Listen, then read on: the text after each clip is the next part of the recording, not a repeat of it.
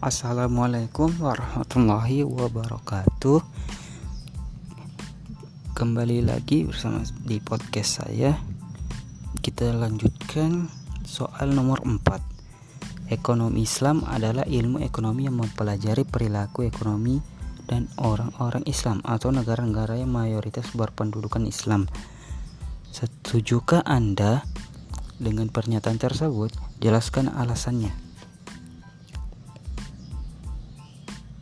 Saya si saya tidak setuju karena berdasarkan landasan atau pondasi yang terele, tere, terrealisasikan dalam sejarah Islam dalam prakteknya Rasulullah membangun suatu perekonomian dari titik nol menjadi suatu perekonomian raksasa dan memperkenalkan ekonomi Islam yang mampu menembus keluar dari jazirah Arab.